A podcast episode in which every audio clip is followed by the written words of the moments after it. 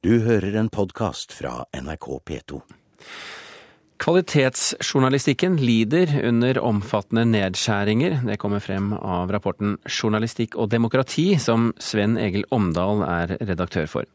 Når færre journalister skal produsere mer og raskere, nedprioriteres kritisk tenkning av samfunnsmessige viktige felt, mener Omdal. Hovedfunnet er at norsk journalistikk er trua av de store nedskjæringene i avisene, som gjør at hele det journalistiske feltet krymper. Det blir stadig færre journalister som har dårligere tid til å gjøre en god jobb. Og det fører til at det oppstår f.eks. store blindsoner, viktige samfunnsområder som enten blir dekka altfor dårlig, eller ikke dekka i det hele tatt. Hva er disse blindsonene? Et veldig nærliggende eksempel er jo dekningen av norsk eh, energi- og oljesektor, som er helt avgjørende for norsk økonomi. Men vi har òg plukket ut EU-dekningen, som er vårt høyeste forvaltningsnivå, som, hvor 75% av vår utenrikshandel går. som Hele vårt forhold til EU skal dekkes av én en enkelt journalist i Brussel. Det er det eneste området hvor Norges samhandling med EU går ned, det er i pressedekningen. Men det finnes en rekke slike områder som vi har lista opp i rapporten. De fleste store medier de kutter i stillinger og satser på mer forbrukerjournalistikk, reise osv. Hvordan skal en redde kvalitetsjournalistikken?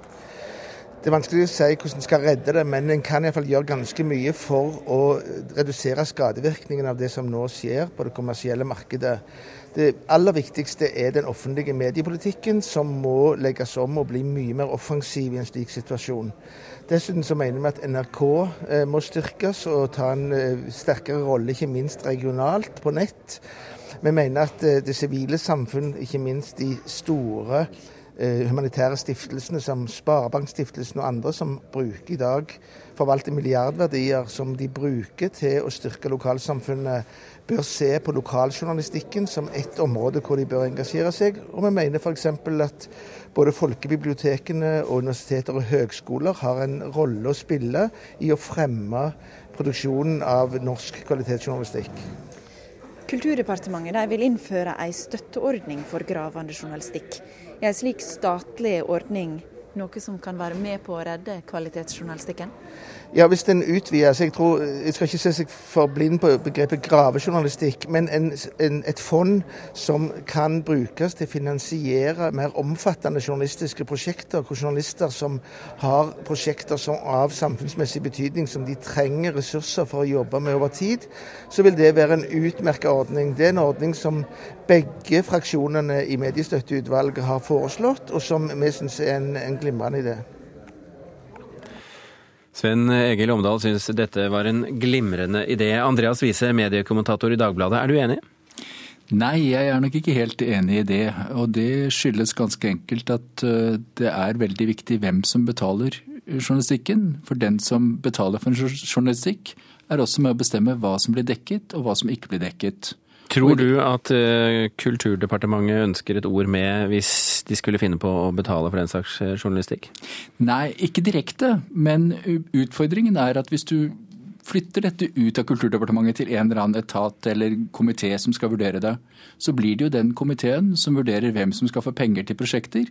Og da er den komiteen med på å redigere avisene. Så hva, så hva er løsningen, slik du ser det? Ja, jeg tror at Jeg er helt enig med Omdal i at uh, situasjonen i mediebransjen er sånn at man må begynne å se på forskjellige støtteordninger, men da må man være på jakt etter støtteordninger som i minst mulig grad flytter ansvaret for innholdet ut av redaksjonen og redaktørens ansvar, og inn i komiteer, nemnder eller andre statlige, halvstatlige organer som skal bestemme hva som skal finansieres. Slik at f.eks. en direkte støtte per eh, redaksjonell medarbeider ville være et mer nøytralt eh, støttesystem. For da vil det være opp til redaktøren å bestemme seg for hvordan den redaksjonelle eh, ressursen skulle benyttes. I dagens kommentar i Dagbladet så stiller du følgende spørsmål. Ville et graveprosjekt som hadde til hensikt å avsløre hva slags prosjekt som fikk innvilget støtte, selv få innvilget støtte? hva mener du med det? Nei, altså Poenget er jo at uh, hvis man skal ha en sånn nemnd som man skal søke om graveprosjekter til, så må jo de søknadene så vidt jeg kan forstå, være hemmelige. For Hvis ikke så vil jo alle kunne se hverandre i kortene og se hva de gode journalistiske ideene for den neste tiden er. Og når de er hemmelige, så vil man ikke lenger vite hvem som får støtte og hvilke premisser man får støtte på. Og da må man jo prøve å undersøke det. Men kom den nemnden da til å gi støtte til et forsøk på å avsløre nemndas eget arbeid? Det vil være vanskelig. Anders Bjartnes, tidligere journalist, nå daglig leder i Norsk Klimastiftelse. I Omdals rapport, der du også er medforfatter, så skriver du at eh, Norge lider under mangel på en kritisk og kompetent offentlighet innen olje- og energifeltet. Hva er poenget ditt? Nei, Jeg mener at det er et område i samfunnet som, som, trenger mye mer journalistikk. Mye mer kritisk journalistikk, mye mer kompetent journalistikk. Det skrives for lite, og det som skrives er ofte for lettvint. Åsta Hansten-utbyggingen som, som, nå er på dagsordenen, er et godt eksempel på det. Det er en investering på 60 milliarder kroner, og det har nesten ikke vært eh, omtalt i det hele tatt i de store mediene. Eh, eh, la oss bare for eh, publikum som hører på, eller, eller, våre lyttere nå her på P2, forklare at du sitter med en sånn liten teknisk innretning som gjør at du er litt forsinket i tid. sånn at det er ikke fordi du ikke følger med der du sitter, Bjartnes. Når det gjelder Åsta Hansten-feltet, som altså da ligger utenfor Bodø, Hvorfor får ikke det samme kritiske søkelys på seg som OL eller intercity-prosjektet? Ja, Det er et veldig godt spørsmål som det er vanskelig å svare på. Jeg tror det er eh, for, for, få journalister i de store mediene som jobber med dette feltet over tid eh, systematisk. Det kreves kompetanse, det kreves eh, godt kildearbeid og det kreves kunnskap og, og kraft nok til å utfordre mektige kilder for å gjøre det. Og det er for få som, som har dette som hovedoppgave i norske mediehus nå. Ja, hvorfor har det blitt sånn?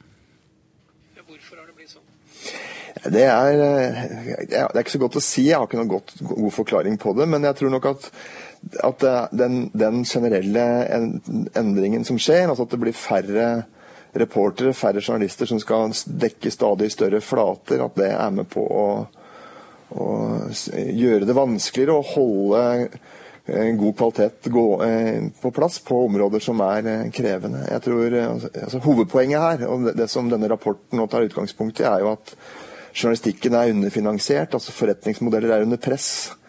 Det er det vi må gjøre noe med. Eh, har, altså Klima- og energifeltet er ett område vi har, vi har pekt på, det, det, finnes mange andre. Andreas Wiese, hva skal man gjøre med det faktum at uh, norske journalister og norske redaksjoner har sånne blindflekker? Ja, det er jo et paradoks dette her. fordi Den siste meningsmålingen som ble utført blant journalister, viste jo at eh, Venstre hadde vel 15% støtte, og Miljøpartiet De Grønne hadde 6% støtte. Altså 21 til sammen på partier som kan kalles miljøorienterte. Samtidig så er det veldig lite journalistikk på området. Eh, og noe av problemet her er jo, som Bartnes helt riktig sier, at eh, det er for lite ressurser blitt etter de nye ordningene. Og de sorteres etter andre kriterier enn de kriteriene som kunne gitt eh, journalistikk på dette her. Og Utfordringen er igjen at man må finne en økonomisk løsning for mediene som gir den typen journalistikk men gir det uten bindinger på hva som kan skrives og hvordan det kan skrives. Men Vise, du er jo selv eh, journalist og mediekommentator i eh, Dagbladet. Det er jo ressurser rundt omkring i den avisen som kunne vært rettet inn mot eh, klimajournalistikk f.eks., hvis man ville det? Ja, det er det, og, men det er to måter å, å, å drive den typen journalistikk på. Det ene er at man dekker et område, altså at man sier at dette er et fagområde, og man holder seg orientert og dekker det. Og det andre er at man venter til noe skjer, og så styrter man inn med ressurser for å dekke det fordi noe har skjedd som er verdt å dekke. Og den siste typen journalistikk den har vi fortsatt, men den første den krever eh, ressurser som det blir vanskeligere og vanskeligere for medier generelt å, å dekke. Og aviser er, eh, med unntak av NRK og sånn, så er mediene kommersielle medier de skal, må faktisk tjene penger for å ha råd til å bli gitt ut. Anders Bjartnes, kan betalløsninger for nettaviser være redningen for, for en sånn type breddejournalistikk som vi snakker om her? Så jeg tror, Det vil helt sikkert komme mer og mer eh, forskjellige betalingsløsninger. Men jeg tror det viser peker på at den, den, løpende dekningen den er helt avgjørende for å bygge den kompetansen internt i redaksjonene som trengs for å kunne vite hva man skal gjøre når en eller annen eh, boble sprekker eller et, en svær hendelse gjør at du må, må rykke. Og det er den, den, den kompetansen, den, eh, den, som du bygger over lang tid, det er den vi må, må, må sørge for å, å finne noen eh, finansieringsmetoder som kan, gjør at den kan ivaretas både i de store mediehusene og utenfor. Betaling på nettet vil komme. Jeg har vært veldig kritisk til, til, eh, til mye av det som gjøres på, i nettavisene. Jeg syns det er eh, ganske sånn tilfeldig raska sammen, mye av det som presenteres. Og jeg ønsker meg nettmedier som ligner mer på avisen, i den forstand at de er Eh, mer helhetlig redigerte produkter. Bjartnes, eh, Anders Bjartnes, tusen hjertelig takk for at du kunne være med i Kulturnytt. Takk også til Andreas eh, Wiese i Dagbladet. Du har hørt en podkast fra NRK P2.